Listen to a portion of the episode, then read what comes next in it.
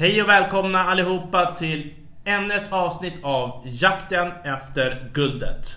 Mitt namn är Armond Faltin och idag har jag med mig en väldigt speciell gäst. Han har arbetat på två absolut högaktuella arbetsplatser eh, där vi ska ta reda på lite om hans bakgrund och vad senaste nytt är i branschen. Hej och välkommen Andreas Källros. Stort tack och wow vilket intro. Eh, Och vad roligt att få vara här.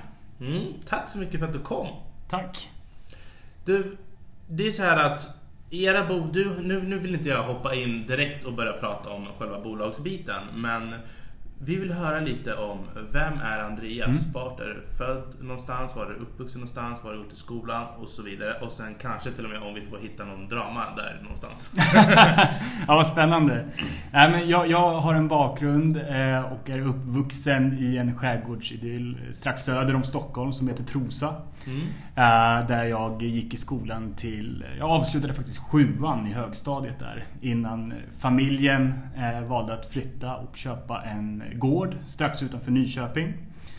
Eh, vilket var kanske eh, lite utav ett, ett, eh, en funderare man tar när, man är i tonåren. Man, man, ens nästa steg det är att kanske få, få en moppe och känna sig fri och, och ta sig runt i sin lilla stad. Men mina föräldrar tog akt, det aktiva valet att ta oss ut, långt ut på landet till en gård, vilket är en fantastisk plats idag eh, att, att eh, ha möjligheten att vara på. Mm. Och ha den, den eh, speciella mixen av storstadslivet i Stockholm men också ha det riktigt lantliga nere på landet som jag ser idag. Mm, mm. Hade ni några djur och sådär på gården?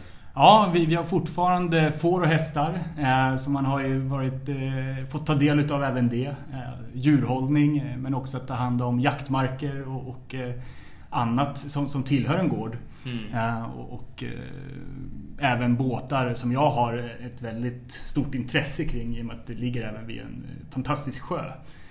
Så, så jag kunde kombinera att även kunna bo men även ha en fantastisk plats att kunna träna segling som jag har hållit på med under många, många år som, som junior egentligen. Okej, ja, vad nice. Jättetrevligt. Jag tänker så här, just med hästar. Jag kan ju faktiskt också rida. Och jag kan inte rida. Ja, du kan inte det. Det, det, det, det är lite...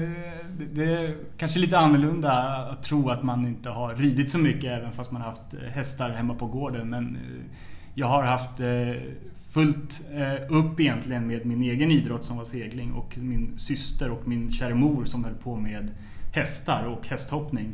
Eh, Så det fanns eh, visserligen egentligen tid till att lära sig men, men det jag hanterar det är väl att ta in och ut ur hage och eh, se till att de har Mm. föda i sina boxar. Mm. Men annars har intresset legat på helt annat och som har egentligen tagit hela min tid förutom skolan.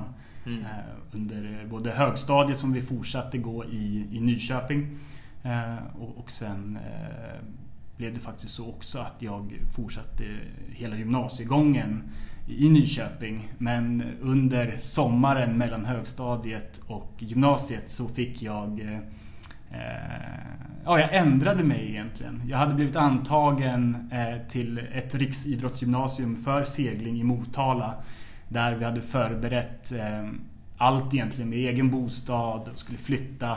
Eh, börja läsa natur eh, samtidigt med ett upplägg av att träna eh, under veckorna och även helger för att elitsatsa Mm. till, till att det alla drömmer om att nå till, till, till OS. Mm. Men jag fick lite utav en kanske första kris i livet av att tanken av är det här jag vill satsa på? Är det här jag vill göra? Ja. Eh, Och, och därav så tog jag beslutet eh, ett par veckor innan skolstart att eh, ganska tvärt avbryta min seglingskarriär. Det är ändå modigt. Och smart kan jag tycka. Uh, var var det någon speciell anledning? Var, det var bara det att nej, du fick kalla fötter och du märkte att ska jag göra det här för resten av livet?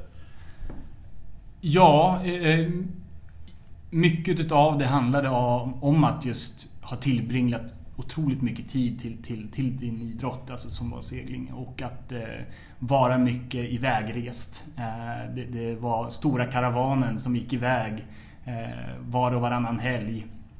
Både till, eh, runt om i Sverige men även i Europa. Eh, då vi hade husbil på ett par meter och även en stor följebåt med min segelbåt uppe på den. Mm. vilket gjorde att du tillbringade otroligt mycket tid och, engagemang. Både från min sida men även mina föräldrars sida. Vilket jag är väldigt tacksam för. Att de har lagt den tiden och de pengarna på, på mig och fått se så mycket olika platser eh, i och med, med seglingen. Eh, mm. men, men, också att få dedikera mig fullt ut till en idrott som jag verkligen eh, brann för. Mm.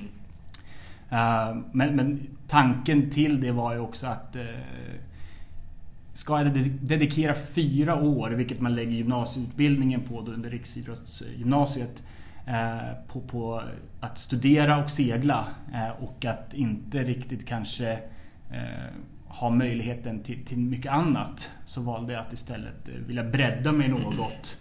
Eh, och, och, testa mina vingar eh, på andra områden. Mm. Eh, och därav så, så vart det en, en, eh, en, fortsatt resa i Nyköping under tre år till eh, då jag läste samhälle och ekonomi. Okej, okay, okej. Okay. Och vad, vad hette den skolan då? Tessinskolan. Tessinskolan. Kan du berätta lite? För vi pratade lite om det här innan. Att jag trodde att det var Tessin tillhörde den här bygg fastighetskarn. Och du pratade någonting om att det kanske var en teknik. Och du, jag, jag har otroligt dålig bakgrund och information kring, kring namnet Tessin. Det, det, det, finns säkert en, en, bra förklaring till det men det är ingenting som jag sitter på idag. Jag kommer faktiskt inte ihåg eh, bakgrunden till den. Var det en stor skola annars då? Eh, Tessinskolan ingår idag under något som heter Nyköpings gymnasium som jag känner till. Eh, så att det finns väl två, tre stycken gymnasieskolor i Nyköping. Eh, jag hamnade på Tessinskolan av det, det, det skälet att när du blivit antagen till en linje så, så, får du även möjligheten att bli omplacerad till din hemmakommun. Vilket var Nyköping och då hamnade jag Kanske inte rent utav mitt eget val i den skolan men, men det var där jag fick en plats. Mm. Eh, vilket eh, kanske inte alltid var den mest motiverande vägen för mig. Eh, jag, jag, kanske hade önskat att gå i en annan skola där, där, eh, där man kanske hade något mer affärsfokus och mer entreprenörskap. Eh, för det finns andra skolor i kommunen som, som var mer framåt eh, i, i den andan. Mm, mm. Så du hade redan de här eh, ambitionerna i tidig ålder ändå? Du förstod redan det här under skolgången? Ja, jag, jag är infödd eh, i en entreprenörsfamilj. Eh, okay. Så att vi, vi, vi, min far startade samma år som jag är född sitt företag. Varpå min mor också jobbar med, med ekonomi. Mm. Och Eh, Eh, jag har fått lära mig att eh, det är det du själv kan påverka och skapa som i slutändan ger resultat.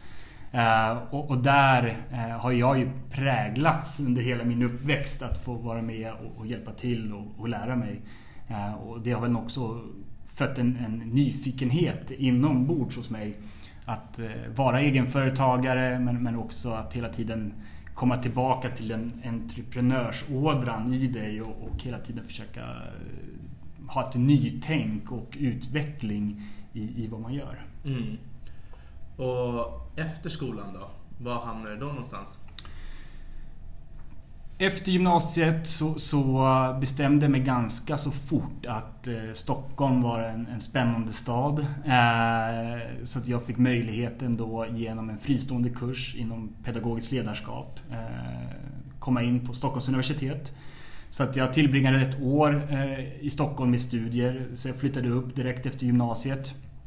Eh, och hade eh, den lyxen av att, att få, få, tidigt komma upp eh, men också möta människor och eh, det var faktiskt vid ett eh, bröllop till våran granngård ute på landet som jag fick en, en första introduktion till, till min första arbetsplats faktiskt. Okay. I, I Stockholm. Så det var genom att jag körde eh, deras gäster till det här bröllopet. Eh, jag agerade taxi under en kväll. som jag fick eh, personen då att rekommendera mig till, till det här företaget som blev min första, mitt första arbete här i Stockholm och som också då blev det arbete, eller den arbetsplats där jag tillbringade nästan upp till fyra år. Mm. Och den arbetsplatsen är? Idag heter de Nordic Retail Group eh, och de hette då Sales Nordic. Eh, jag började med korttidsuppdrag till att hjälpa företag i retail, så Tele2, Samsung och andra stora egentligen eh, elektronikjättar till att hjälpa till med marknadsföring i butik. Elgiganten Siba, NetOnNet som är de stora i Sverige. Hjälpa till med promotions och även stå i butik och hjälpa butikspersonal under stora helger för att promota produkter och nyheter. Mm. Eh, så det var perfekta komplementet till dina studier att tjäna lite extra pengar eh, under den perioden då. Och som samtidigt då, då egentligen hade mitt egna företag ute på Gotland fast det var mer av ett säsongsarbete. Okej, okay, vad gjorde du då? då? Eh, efter det att jag slutade med seglingen och under gymnasietiden där så, så fann jag faktiskt windsurfing till att bli en, en nästa idrott som jag ville prova på och de ligger ganska besläktade med varandra. Mm. Segling och windsurfing. Det har med vind och vatten att göra och eh, vilket är idrotter som jag haft lätt för. Ja. Och, och där så fattade jag tycke för windsurfing och eh, startade ett företag inom windsurfingkurser och uthyrning på, på, på Gotland där jag etablerade mig på Tofta strand faktiskt och hade ett nära samarbete under ett par års tid med, med Gotlands surfcenter. Okej, okay. vad roligt. Hur gick det då? Gick det bra eller? jo men det tycker jag. Det, det är lärdomar som, som, man har med sig idag också. Ja. Eh, att driva eget och, och eh, verkligen se effekterna av det, det, arbete du själv lägger ner. Eh, och, och, där... Jo men jag skulle säga att det, det gick bra. För fyra år, fantastiska somrar, fick hänga med härligt folk. Eh, men på grund av att det var ett säsongsarbete så kanske det inte höll året om. Mm. Eh, och när jag gick ut eh, gymnasiet, flyttade till Stockholm, hade studerat klart på universitetet. Där någonstans bestämde jag mig också att jag måste satsa helhjärtat på att hitta en annan arbetsplats. Mm. Och det var därav jag också egentligen valde att avveckla bolaget eh, men än idag har kvar eh, bekantskapen vilket är jättehärligt. Ja, nej, alltså jag förstår exakt vad du menar med Det är svårt att säga att någonting går dåligt om det går så himla bra i ren utveckling. Mm. Uh, och kontaktnät och... Ja, men jag kommer ihåg första sommaren det, det, när man är 18 har körkort och tar sitt pick och pack för att spendera ett par veckor på Gotland. Då, då har man ganska så, så, stora förväntningar om, om vad som ska hända. Eh, första sommaren var jag där två veckor och det var en ren succé. Vi hade fullt upp om dagarna med, med kurser och uthyrning. Eh, och, och, det, eh, från, från den sommaren så började vi bygga större planer på, på att vara där under längre perioder. Oftast början, eh, början på juli till sent in i september. Som vi var på plats eh, och hade mycket att göra men det var också eh, en perfekt kombo som, som 18, 19, 20-åring att få hänga på, på en strand. Har närheten in till Visby och alla festligheter. Så det, ja. det, var ett sätt att skapa sitt egna sommarjobb eh, nära där alla andra ville vara också. Ja, precis. precis. Så positioneringen var, det var liksom strategiskt planerat eh, för dig? Att lägga dig just på... Oh, nej, nej. Jag, jag, jag eh, kollade på många platser. Eh, och det var egentligen genom en rekommendation som jag fick en kontakt till Gotland. Mm. Som, som jag är väldigt tacksam över att ha fått. Och det öppnade ju upp dörrar till att få det här samarbetet och, och möjligheten att just vara precis på stranden de här somrarna. Mm. Uh, och, och, så, så, det öppnade ju upp själva dörren till det och, och, det är ju också någonting som jag brinner väldigt mycket för. Det är just den här uh, utbytet av kontakter och erfarenheter. Det, det, det, försöker jag själv tänka väldigt mycket på i min vardag idag. Och, där jag befinner mig. Att hela tiden upprätthålla kontakter, jobba med dem. För, för du vet aldrig den dagen du kan behöva deras hjälp eller om de behöver din hjälp att, att försöka ställa upp om det skulle behövas. Precis. Så att eh, Du, du fortsätter jobba på, vad heter det, Nordic?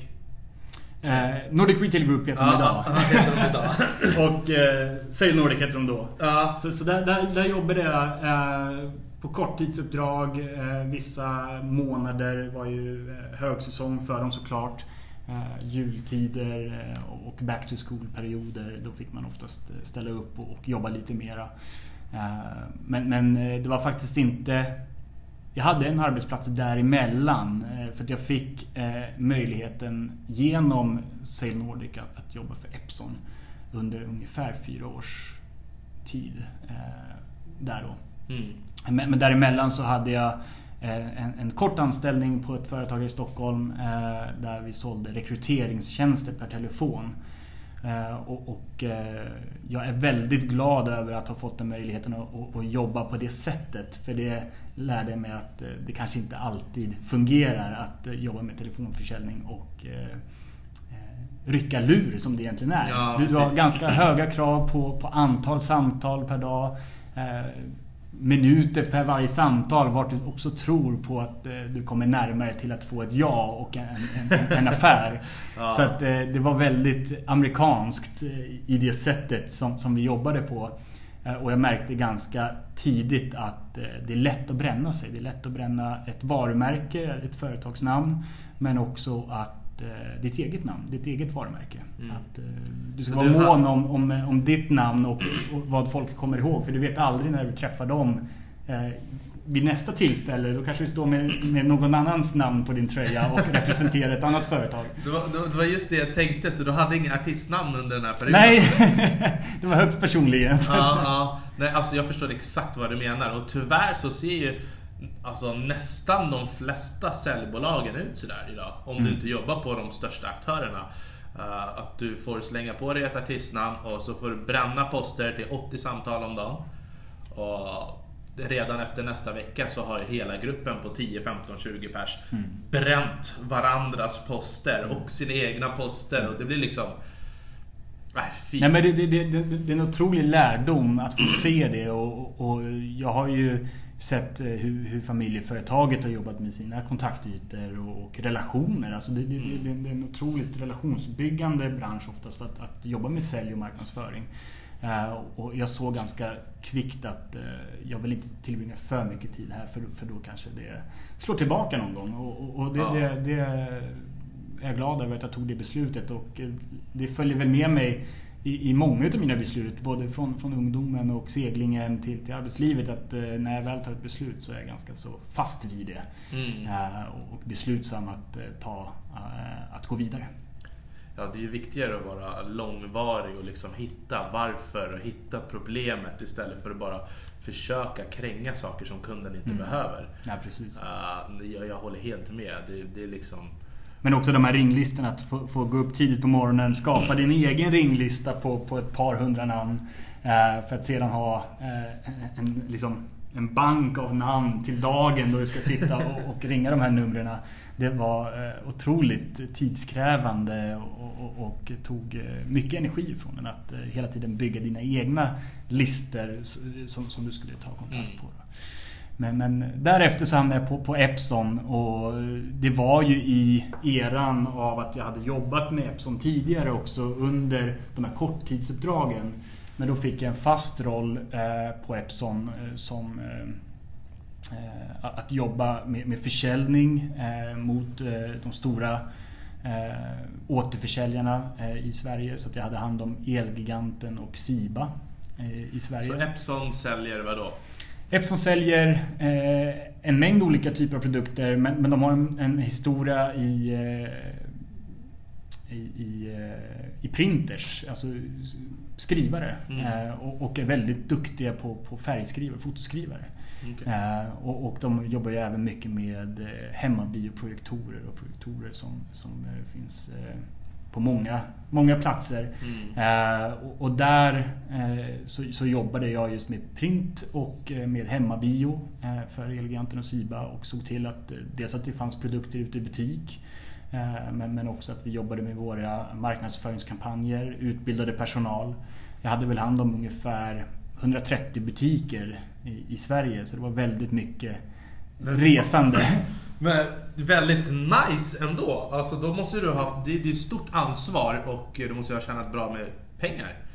Få bra kontaktnät. Absolut. Det var ett otroligt kontaktnät och, och, och eh, jag fick jobba med försäljning på ett sätt som jag önskade göra. Att, att bygga relationer och eh, det syntes även i våra försäljningssiffror. Eh, vi slog rekord efter rekord under de tre och ett halvt, fyra åren som jag var på Epson. Utifrån butik och försäljning utifrån Elgiganten och Siba. Eh, och mycket utav det var ju just att du var konsekvent med dina butiksbesök. Du jobbade med personalen till att de hade utbildning och kunskap om dina produkter.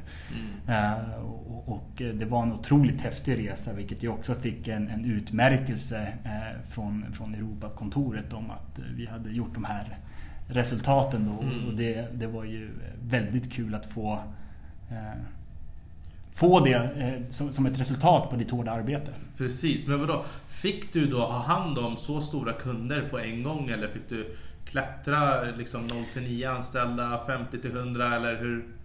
Mycket i, i retailbranschen där handlade det mycket om att ta hand om de återförsäljare som säljer dina produkter. Eh, och, och där jobbade man på, på Eh, årlig basis med att lägga ordermattor. Eh, så de fick estimera vad de trodde att de skulle sälja eh, ut från sina butiker på, på halvårsbasis eller årsbasis. Och sen var det ute efter att vi behövde coacha dem till att vara top of mind. Tänka på, kommer en kund och frågar efter en skrivare, då ska de tänka på Epson. Mm. Och så ska de sälja Epson-skrivare och bläck såklart. Precis. Och gärna lite fotopapper på det. Ja. Ja, ja. Nej, men det låter som verkligen ett drömjobb. Och hur gammal var du under den här tiden? Jag började nog där när jag var ungefär... Skulle jag kunna ha varit 20-21 där någonstans. Det är ju drömjobb som säljare. Ja, det var helt fantastiskt. Du alltså, fick tjänstebil, ju... Eh, bo på hotell. Eh, men, men, eh, efter ett par år så, så, då kände man till de flesta hotellsängar och eh, hotellfrukostar. Ja. så det, det blev av en rutin vilket man också kände till slut att nu, nu har jag blivit lite fed up, nu måste jag ta nästa steg. Mm. Och när tog du nästa steg och hände det någonting där eller? Nej, där, där valde jag att avsluta min, min, min min position och gå vidare till Microsoft där jag fick en öppning av att gå in och jobba som account manager för deras A&O avdelning som fanns då som heter Advertising and Online. Ehm, det var ett ganska kort uppdrag egentligen eh, på Microsoft på, på grund av att eh, en tidig morgon eh, veckan innan jag skulle gå på semester så fick vi meddelandet om att Microsoft säljer A&O världen över till AppNexus och AOL. Två andra bolag som, som köpte upp själva verksamheten eh, från Microsoft och, och den verksamheten var att eh, administrera annonsytor på msn.se, outlook.com och Xbox. Okay. Så när man loggar in på Outlook så har det en liten annonsyta på höger sida. Det var de ytorna vi sålde eh, direkt genom Microsoft då, ut till, till mediebyråer mm, runt om mm. i Sverige. Och, och, otroligt häftigt område och det var ju där jag eh, introducerades mer till, till media och marknadsföring. Uh, och, och, lärde mig mycket på kort tid.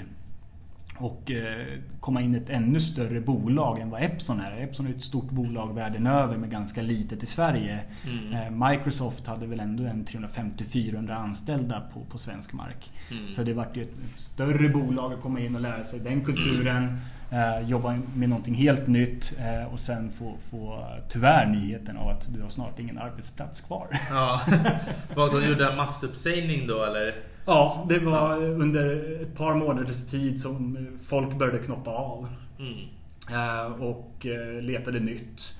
Och det var mycket med, med fackförhandlingar och annat då som, som klev in. Och jag som ganska ung fortfarande Eh, var ju helt ny inom det också. Så man har fått vara med och lära sig även vad som sker vid, vid en sån... Ja men exakt, så fort det blir en merge eller ett bolag köper upp något annat ja. så då blir det ju folk som får gå. Och det där är ju... Ja. Precis. Och man, det, var, det var osäkert. Ska vi få vara kvar i Europa? Finns det möjlighet för oss att vara kvar i Sverige?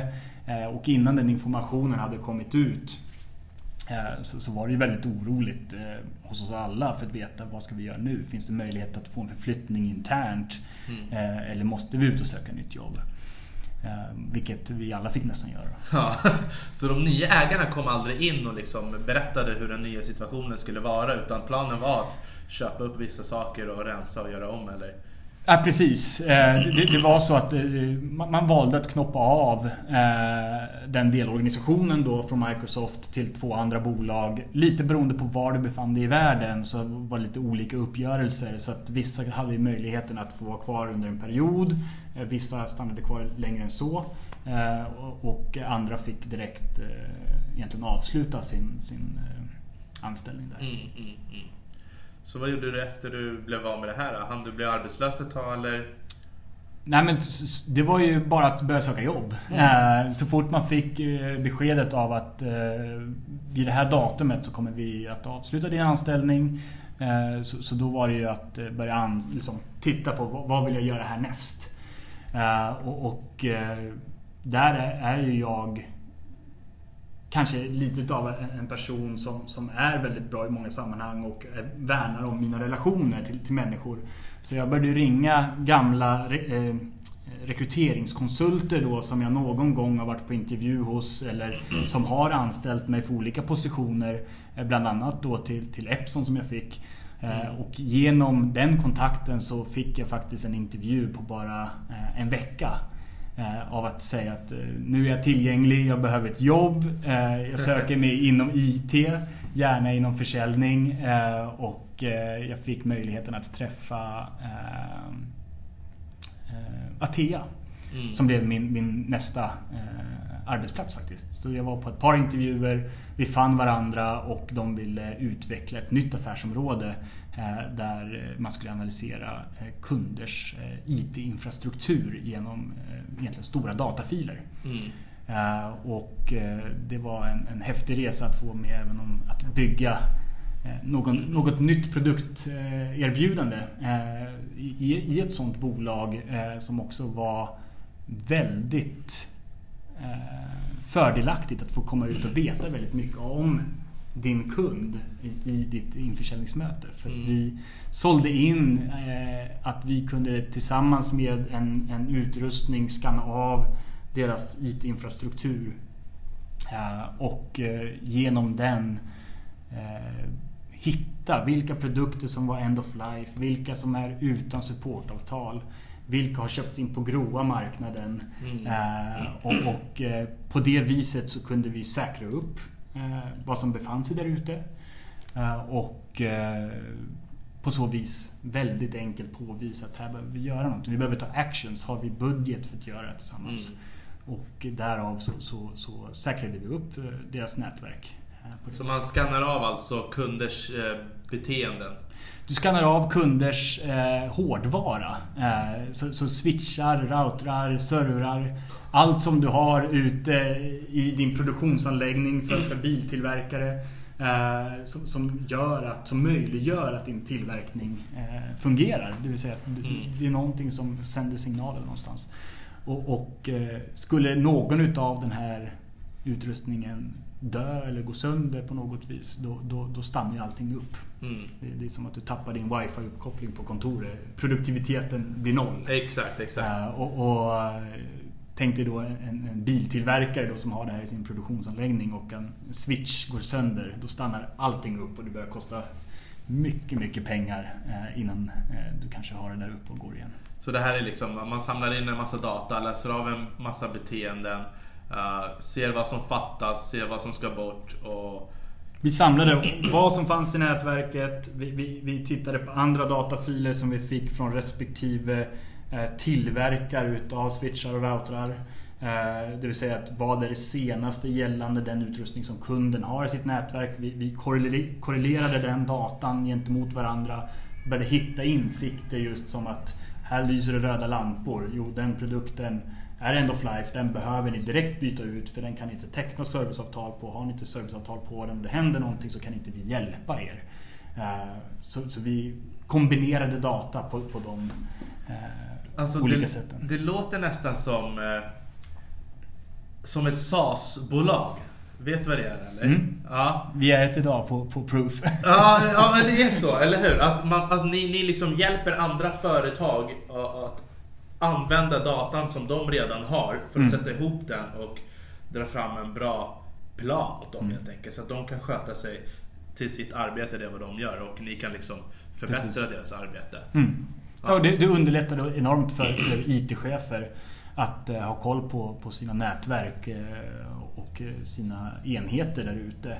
Eh, många gånger så kanske du tror att du har full kontroll men, men det var ofta så att man hittade saker att hela tiden förbättra och, och ändra på. Eh, och, och därav eh, så, så, så ja, man levererade insikter som kanske inte alltid var så bekvämt att få. Eh, beroende på hur du är som person ofta. Mm. Eh, vissa tog ju action på det direkt medan andra inte ville alls titta på, på, på de resultat som, som vi presenterade. Mm. Men det, det är ju självklart att det är bättre att ha någon utomstående som tittar på det eh, från helikopterperspektiv.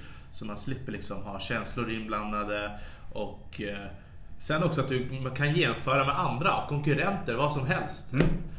Eh, Jag tycker du, du har haft sån... Jag vill inte säga tur, men jävla skön resa att du har fått sån bra erfarenhet på så stora nivåer så, så, så tidigt och bara direkt efter varandra. Och efter du jobbade med det här då? Ja, efter Atea, det, det, då, då äh, vart jag kontaktad av en, en, eh, en kon- rekryteringskonsult som, som äh, hade kikat på min LinkedIn-profil och tyckte att jag hade en intressant bakgrund. Äh, och äh, hon jobbade för att rekrytera en person till Climon. Äh, vilket var ett stort frågetecken för mig först. Att jag har en IT-bakgrund äh, och nu söker ni någon för äh, Climon som är ett cleantech-bolag. Eh, och, det tog lång tid innan jag förstod eh, vad det var egentligen hon såg i min bakgrund och vad jag kunde bidra med. Eh, och, och, eh, men såklart så, så vart jag ju intresserad av att träffa den här personen eh, varpå hon berättade mer om, om, om Climon och sålde in det här bolaget till mig som var helt rätt i tiden. Eh, och är helt rätt i tiden idag med en fantastisk produkt. Ehm, och jag, jag såg där att här kan jag lära mig ännu mer om någonting helt nytt och eh, någonting som jag inte alls har en bakgrund om men jag är villig att lära mig. Eh, och eh, det var en lång process, eh, många intressanta intervjuer eh, och eh, fick möjligheten att börja där. Vilket var jättekul. Och det här var ju liksom, eh, det var en startup då eller? Ja. Det kan man väl säga att det är nu också. Absolut. Vi var, när jag började så tror jag att vi var 30 personer och efter strax över två år när jag lämnade Climon så var vi över 70 personer. Mm. Så vi växte ju otroligt fort eh, under den perioden och de växer ju än idag. Eh, men men eh, det var en utmaning att, att ge sig in i, i cleantech och även att jobba mer internationellt vilket var en, en ny erfarenhet som jag fick med mig därifrån. Mm. Att jobba enbart med utländska bolag, eh, driva försäljning på ett helt annat sätt än vad jag var van vid. Där jag hade en, en, en, det kan man säga kanske lite tur. Där jag träffade Kristoffer Engman som jag jobbar med idag. Eh, där vi nu har funnit varandra väldigt nära och jobbar väldigt bra tillsammans. Eh, Mm. så, så utvecklade vi mycket utav vart vårt Climon står idag. Vi, vi eh, jobbade med försäljning, utvecklade sälj och marknadsföring. Jobbade väldigt mycket med social selling. Och fick mycket attention egentligen från, från hela världen. Mm. Om vilka är Climon och vad gör ni som är unikt och vad har ni hittat på som inte funnits tidigare. Mm. Eh, och, och där jag först jobbade egentligen med eh, Indien som marknad. Eh, besökte cementbolag långt ut på öknen runt om i Indien. För att identifiera spillvärme, vilket är värme som, som Climon behöver för att producera elektricitet. Mm. Och, och sen fick jag även möjligheten att öppna upp Kanada som marknad. Där jag jobbade aktivt ett år att eh, etablera oss i, i Alberta som var den främsta identifierade eh, liksom, delmarknad i, i det stora landet Kanada. Mm, mm. Så att eh, Climon arbetar med förnybar energi och eh, ni gör energi på varmvatten då, eller? Stämmer bra. Som ska, ja. Så vi, vi, Climon behöver varmt vatten eh, som är mellan 70 till 120 grader och behöver även eh, kallvatten så att du skapar en, en egentligen tryckskillnad mellan en varm och en kall sida. Och det här fungerar genom en Organic Rankine Cycle Eh, vilket just är det att du har varma och kalla vatten eh, som, som, då eh, påverkar eh, effekten av att en turbin börjar snurra. Eh, som är kopplad till en generator mm. Eh, som producerar elektricitet. Och det unika som, som Thomas och Joakim, grundarna till det här bolaget, gjorde ehm, det var att möjliggöra det här på låga temperaturer. Så temperaturer som är mellan 70 till 120 grader. Eh, tekniken har funnits tidigare eh, fast för mycket, mycket högre temperaturer. Och tittar man på spillvärmen runt om i världen idag så är den eh, låggradig. Det vill säga att den ligger i det temperaturspannet vilket gör att Climon har en otrolig marknadspotential mm. i en mängd olika industrier. Varpå cementindustrin är jätteintressant eh, och även geotermi eh, och oljebranschen som jag var och undersökte i, i Kanada. Mm, precis. Jag, alltså jag har hört så himla mycket just nu om Climon och det är därför jag tycker det är roligt att du är här idag. Uh, det, är ju, det har ju varit, det var ju någon investeringsfond som gick in där som Bill Gates bland annat var med i och, sådär. Så nu har jag haft lite så här heavy names som är långt bak men ändå som man kan använda som liksom dragplåster och mm. eh, att ni vill förändra världen med förnybar energi och riktar in er just till oljeraffinerier så att de liksom kan använda sin egen värme för mm. att driva sin egen fabrik eller vad det är Absolut. Nej, men det, och det, det, är som Jag tror inte det är någon som missar just det att, att klimatet är en het fråga eh, idag och, och det, nästan alla bolag på något vis har ett, ett eh, sustainability-tänk. Att fundera på vad kan vi bidra med för att bli mer hållbara. Mm. Eh, och just de stora bolagen eh, som, som släpper ut väldigt mycket värme. De har ganska hårda krav och målsättningar på just att, att bli mer hållbara, släppa ut mindre, ta, ta mer hand om sin spillvärme. Varpå Climon kan vara en del i det här pusslet. Mm. Och eh, tillsammans med en väldigt bra produkt, en bra strategi gjorde ju att vi, vi växte väldigt fort. Ja, ni landade väl där en jättestor deal. Var det på Island? Mm, det stämmer. Det var kollegor som, som jobbade på den affären. Mm, mm. Eh, för, för geotermisk applikation. Ja, ja.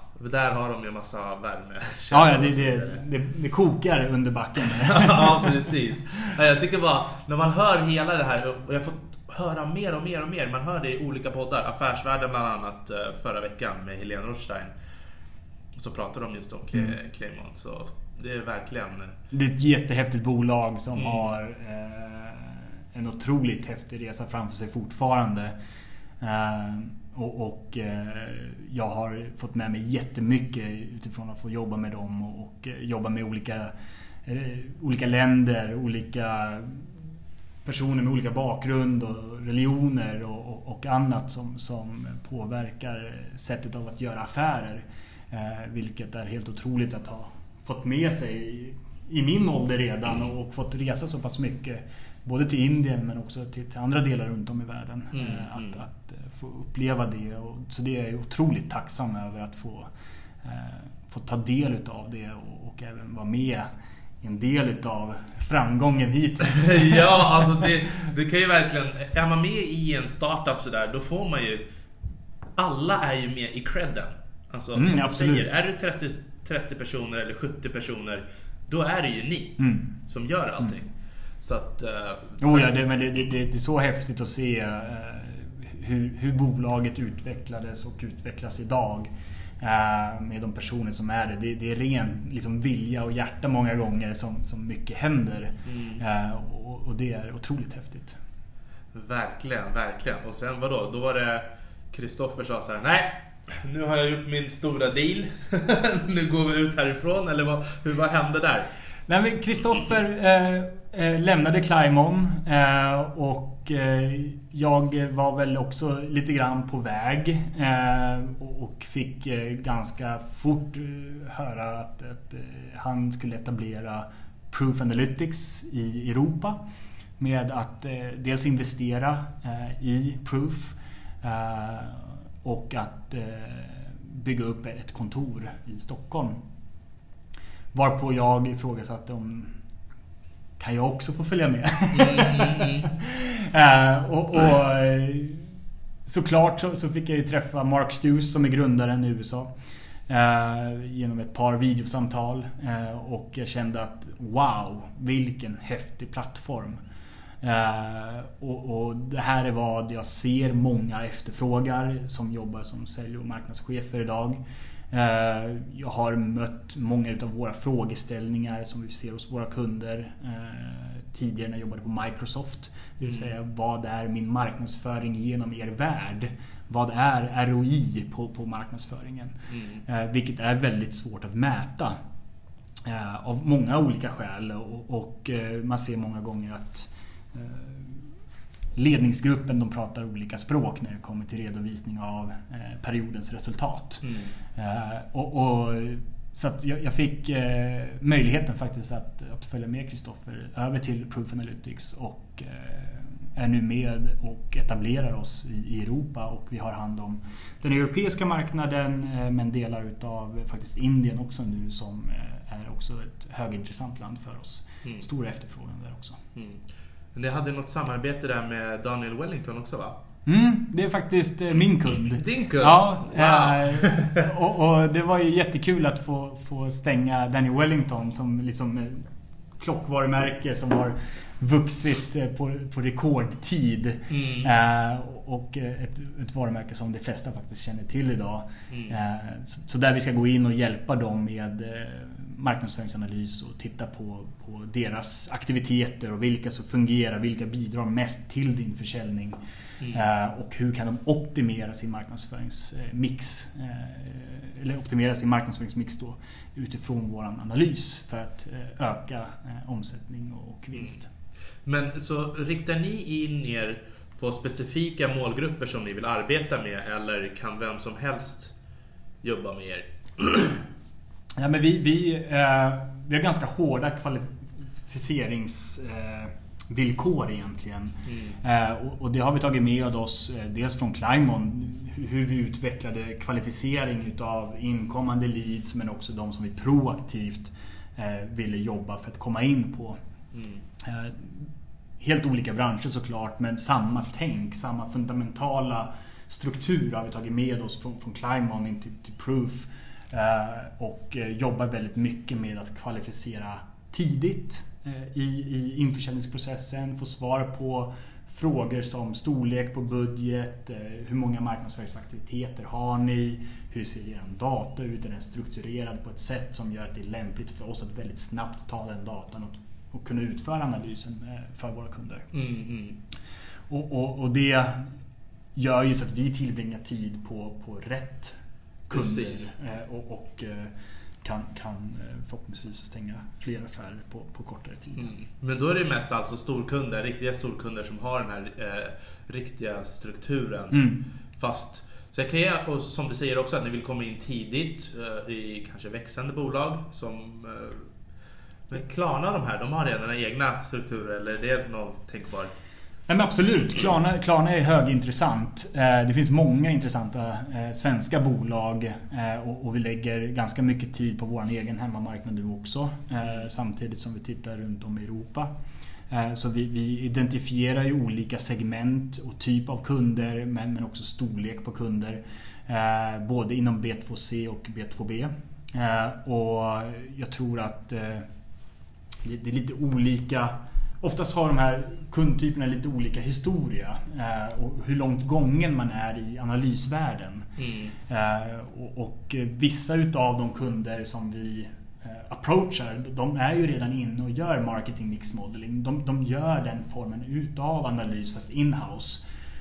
Men de gör det genom det traditionella sättet. Mm. Så de, de Eh, jobbar ju med matematik och statistik i ett Excel eller något annat verktyg eh, för att få samma analys som vi gör genom vår plattform. Och skillnaden här är egentligen att du vinner otroligt mycket tid på att göra det genom Proof för att vi är automatiserade. Mm. Så att vi har en plattform där du förser eh, den med data och på bara några minuter så kan du utläsa insikter och, och resultatet av den här analysen. Mm. På det traditionella sättet så, så är det man-made, det tar lite längre tid, eh, det, det, är eh, oftast en resursfråga om hur fort du, du kan få eh, dina insikter levererade. Eh, och eh, där vi ser att bolag som är stora idag, eh, som har det här inhouse, de kanske gör det till en till två gånger per år. Vi kan göra det på dagsbasis om de önskar det. Ja. På grund av automationen. Ja, ja. Nej, men alltså, då, då förstår jag. Sådana, så, sådana bolag som Klarna ska ju egentligen, tycker jag, hellre anlita någon annan så de kan sköta sitt arbete eh, och sköta sin tillväxt. De har... Då är ju ni med andra ord eh, ett SaaS-bolag och alla bör anlita SaaS-bolag om man kan. Absolut. Eh, såklart tycker vi det. Mm. och, och, och, jag tror att eh, Klarna är ett bolag bland många andra som kommer att kanske tänkas vara intresserade av oss framöver och, och, vi är väldigt intresserade av att få möjligheten att, att presentera det här för dem.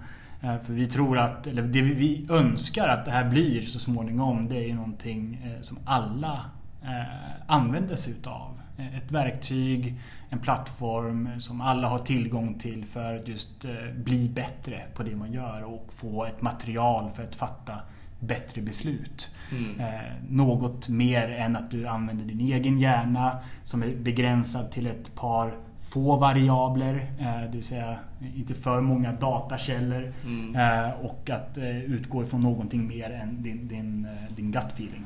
Ja, eller bara att få arbeta med rätt uppgifter helt enkelt. Absolut, visst är det så. Mm. Ja, sen Spotify då? Mm, men alla de här bolagen som du droppar här, det, det, är ju bolag som vi har på våran lista av att eh, vilja komma i kontakt med. Eh, och vi försöker ju på, på alla sätt att eh, komma, i kontakt med dem och, och få prata om den här frågan. Mycket handlar ju om att eh, visa vad, vad Proof är, vad vi gör med våran SaaS-lösning och vad vi kan erbjuda. Vi, vi säljer ju en, en, licens men också på det så lägger vi hanterade tjänster som managed services på det för att hjälpa kunden att hålla kunden i hand det första året för att verkligen onboarda och komma igång och, och verkligen eh, få hjälp med att, att, jobba i det här verktyget. För många gånger så, så kan det vara eh, så att det är svårt att utläsa vad du faktiskt får i form av resultat mm. när du tittar på det här och börjar fatta beslut på det. Det är lite grann det här av att vissa tar direkta beslut återigen på att förbättra medan andra kanske inte alls vill, vill se vad vi, vad vi bevisar. Mm. Uh, och, och, där tror jag att vi måste hjälpa med uh, de människor och personer uh, som, som jobbar med det här, som har det på sitt bord. Att, att leverera de insikterna tillsammans. Mm. och det tror jag är en styrka i, i vad vi nu levererar. Så hur lång tid tar det ungefär för er när ni, när ni prospekterar ett företag som ni vill komma i kontakt med? Hur lång tid tar det för er att göra allt förarbete till, tills att ni faktiskt gör en presentation och håller kontakt med dem och innan ni liksom ska close the deal? Precis. Nej, men eh, från, från första mötet till stängning och till att man faktiskt är uppe och, och eh, eh får, får resultat så, så kan det bara vara ett par månader. Eh, utav förberedande införsäljningsarbete men också det som är mest tidskrävande här det är att samla data och se till att deras data är kategoriserad på det eh, sättet som vi behöver få den. Mm. Eh, och det är som i alla dataprojekt att du behöver hela tiden jobba med din data, se till att du har rätt data in. För att har du dålig data in i systemet då får du dåliga resultat. Mm, mm. Så att, ser du till att du har din data på, på ett bra sätt samlad Eh, då, då underlättar det i, i själva projektstarten. Mm. Eh, och jag skulle säga att eh, det är nog den som tar kanske längst tid i i en uppstartsprocess med Proof, det är att se till att vi jobbar med rätt data och att vi får rätt data från våra kunder.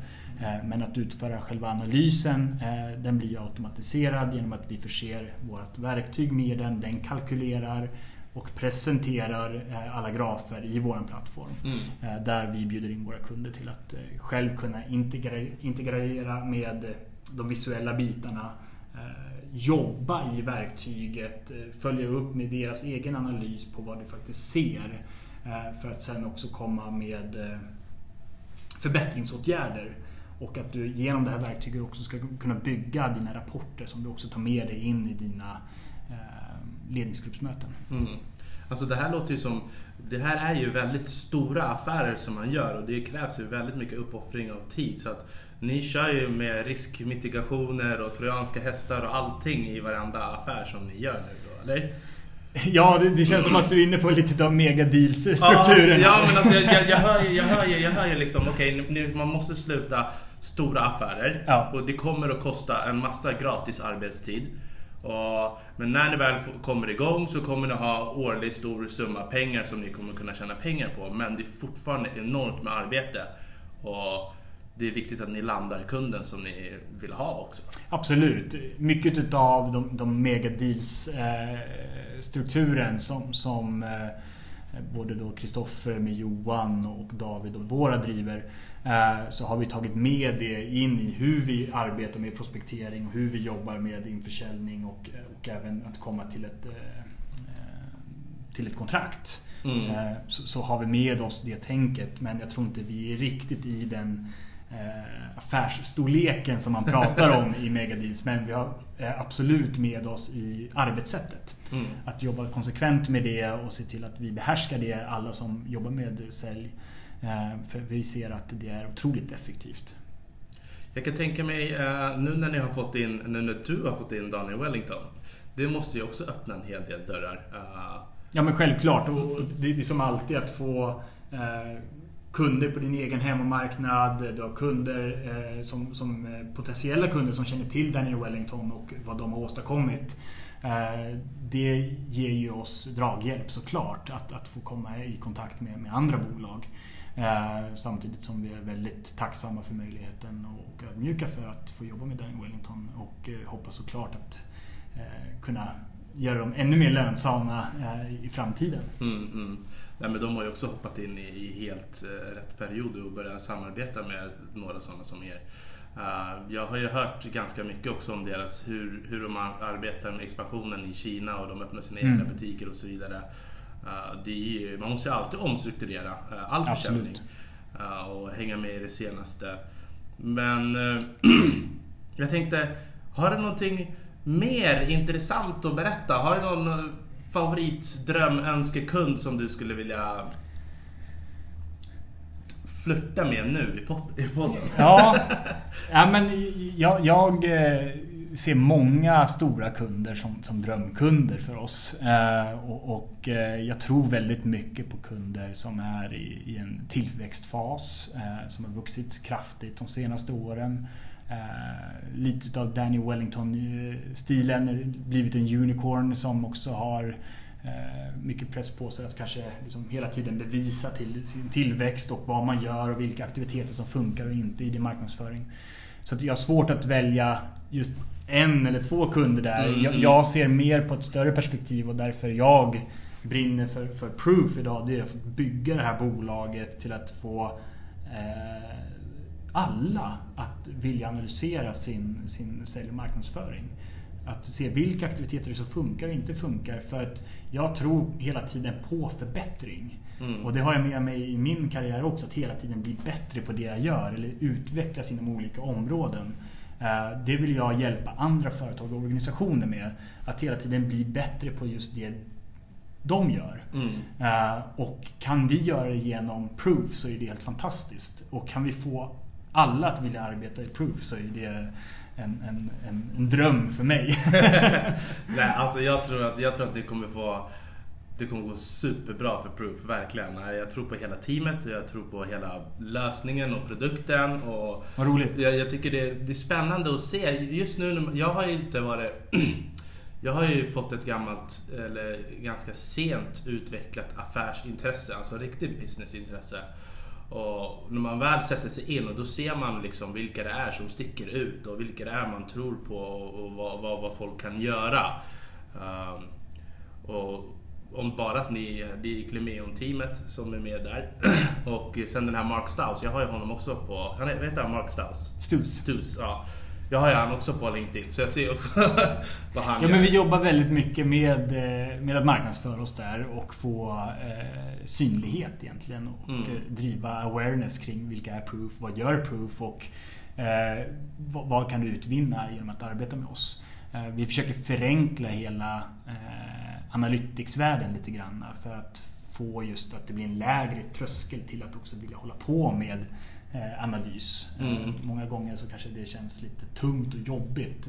Eh, Jag kommer själv ihåg i, i, i, när man gick till matematiklektioner att fan, det är inte alltid jättekul att sitta på och göra matte. Mm. Men eh, man märker att dagens samhälle i, alla olika eh, på alla olika platser så, så analyserar man vad, vad människor gör och eh, vad företag åstadkommer och hur man kan förbättra eh, Ehm, till att bli det bättre. Mm, mm, mm.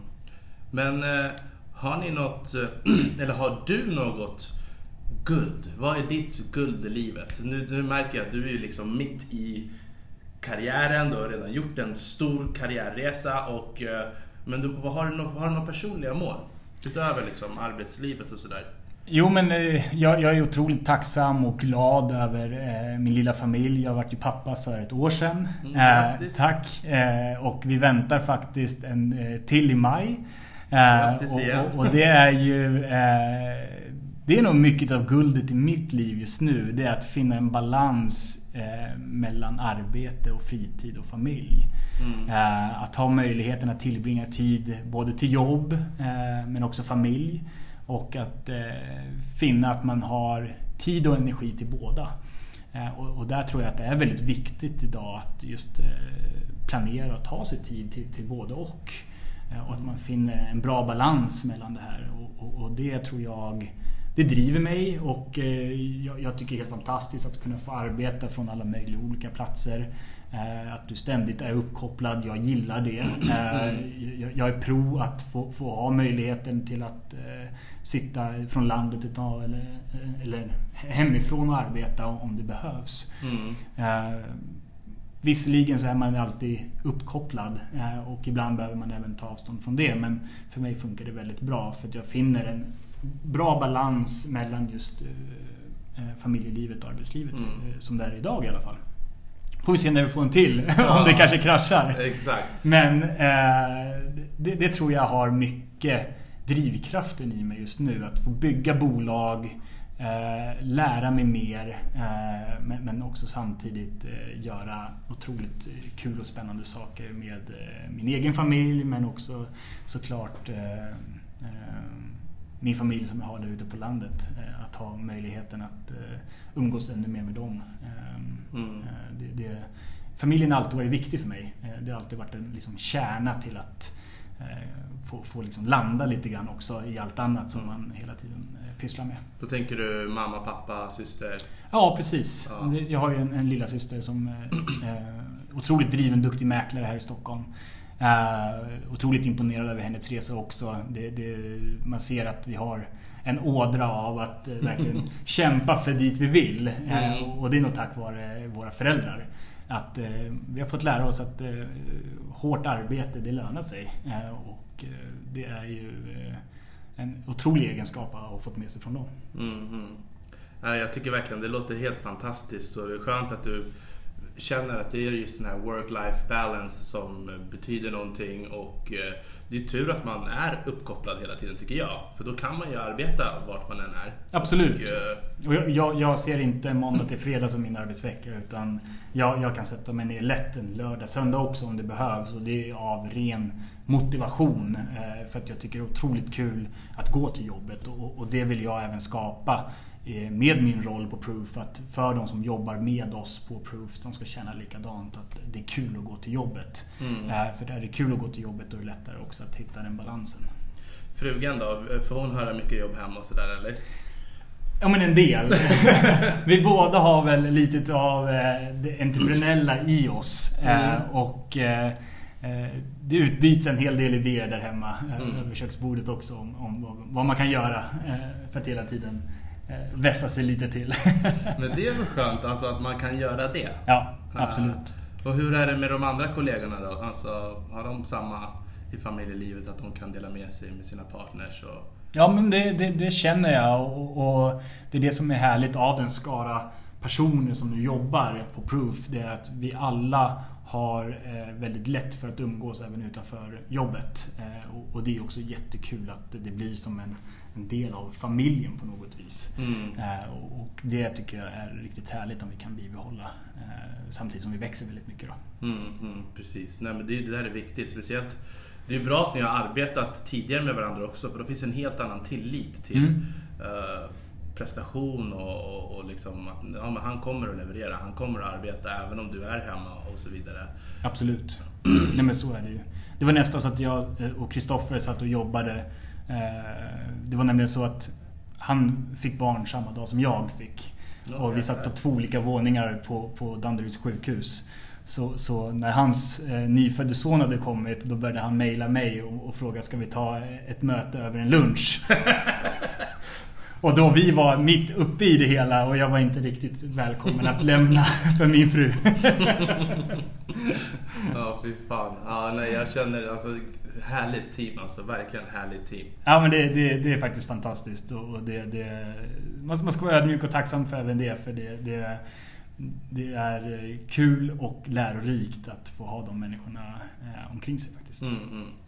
Och där är du eh, Chief Operation Officer. Ja precis! En, en lång titel men, eh, nej, men vice VD för, för eh, AB här i, i, Sverige ehm, och eh, har en ganska delad roll från det operationella för också med, med försäljning. Så vi alla jobbar nästan med, med försäljning också. Mm. Eh, Men, men eh, det är väldigt mycket administration och, och eh, ta hand om eh, när man driver bolag också. Så det, det tar sin tid. Mm. Så jag försöker hela tiden finna en balans däremellan eh, Mm. till att eh, få mer tid till försäljning vilket är eh, otroligt kul. Vilka, vilka andra länder är det ni siktar på då, eller arbetar med? Men vi, vi jobbar ehm, med de flesta länderna i Europa med stort fokus på Tyskland, Frankrike. Eh, vi har även eh, UK. Sen har vi USA såklart där vi har våra grundare och en del utveckling och även Indien där vi har vårt utvecklingsteam men också där vi har fått stora, eh, en stor efterfrågan just nu om, om just den här typen av analysverktyg. Mm. Så vi är ganska eller vi är väldigt globala redan idag eh, på grund av det. Så att, eh, men men eh, nordiska länderna och ett par eh, selektiva marknader i Europa eh, är väl våra liksom, huvudfokusområden. Mm. Och sen har vi även då vissa eh, industrier och segment som vi tycker är extra intressant. Mm, Jag tycker det låter helt fantastiskt och ni har verkligen en härlig resa framför er. Och Indien, hur, hur, hur är det där? De ligger väl lite efter i vad det gäller teknologin och i nätet och sådär, eller? Ja, infrastrukturmässigt i det landet så, så är jag förvånad över hur det fungerar. Jag brukar säga det är ett organiserat kaos. Mm. Har man åkt taxi och tagit sig runt om i, i, de stora städerna i Indien så, så förstår man säkert vad jag menar. Eh, Men, men eh, gällande IT och, och, och eh, vad de har idag så, så börjar de ju komma ikapp. Eh, Det är ett land under en, en eh, kraftig utveckling. Och det är det som gör det så intressant att, att få vara där. Mm. För det, det växer och, och, och det blir eh, modernare och modernare för var dag som går.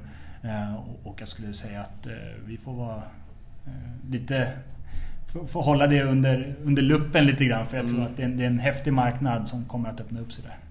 Där finns det ju också lite flera svenska stora bolag som försöker ta sig in. Mm. Eller, eh, Truecaller. Mm. Mm, de är väl där inne nu och har fått en hel del nya kunder. Och eh, Carl Pei med hans OnePlus. Just det. Är det också potentiella kunder? Jag, jag ser alla kunder som våra kunder. Men, eh, nej, men det, det, det, är... De har ju otroligt... Många bolag har väldigt mycket utveckling där. Det finns väldigt mycket bra kompetens. Både inom IT och rent techmässigt. Eh, och, och, där vi också arbetar med ett indiskt team eh, som, som utvecklar vår plattform. Mm, mm. Ja, nej du, jag måste säga så här. Jag tycker att eh, det här har varit ett fantastiskt lärorikt samtal. Jag tror verkligen att uh, mina lyssnare kommer att uppskatta det här. Ja, vad roligt. Och, uh, jag tycker det är kul att du får dela din resa, vad du står för, era värderingar och jag hoppas verkligen, eller hoppas, jag vet att det här kommer kunna hjälpa dig och komma i kontakt med nya kunder. Liksom. Ja, jag hoppas det. det. Det vore väl eh, helt fantastiskt om det skulle kunna vara så. Ja, men det, det är det jag, jag vill vara en nyckel till andra människor att öppna dörrar.